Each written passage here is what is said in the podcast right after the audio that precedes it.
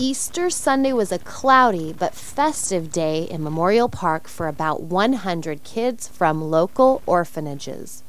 An Easter egg hunt started at 10 a.m. when a fire engine blasted its horn. Boys and girls ranging in age from 2 to 6 dashed throughout the park, yelling and screaming, walking and running, and quite often falling down. One little girl, Amanda, found her first egg less than a minute after the horn blew. Instead of putting it into her basket and continuing to search for more, she sat down. Then she spent the next 10 minutes examining it, unwrapping it, and eating it piece by piece. When she finished, she put the wrapper into her basket, wiped her hands on her white dress, and went to hunt for another egg. Meanwhile, Jeff, one of the older boys, filled his basket to overflowing. He asked one of the firemen to hold it for him, and then took off running for more candy eggs.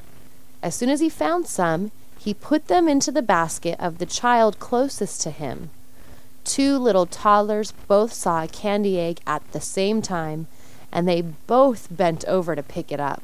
They banged heads and both of them sat down, bawling. A couple of volunteer nurses picked them up and told them that everything was going to be all right. By 11 a.m., the search was over. Most of the kids were studying their candy, exchanging it with others, or eating it.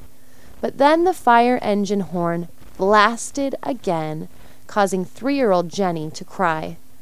A fireman on a bullhorn told everyone to gather around because a special guest had arrived. Once everyone was settled, the Easter bunny climbed down out of the fire engine. The bunny was six foot six inches tall. Most of the kids cheered and ran toward him. Even Jenny stopped crying for a moment.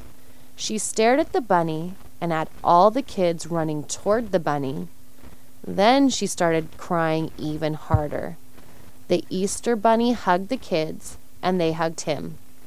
Then the Easter Bunny sat on a fire engine step, and one by one the kids came up, sat on his lap, and got their pictures taken. After that, the older kids were allowed to explore the fire engine itself. The festivities ended about 3 p.m.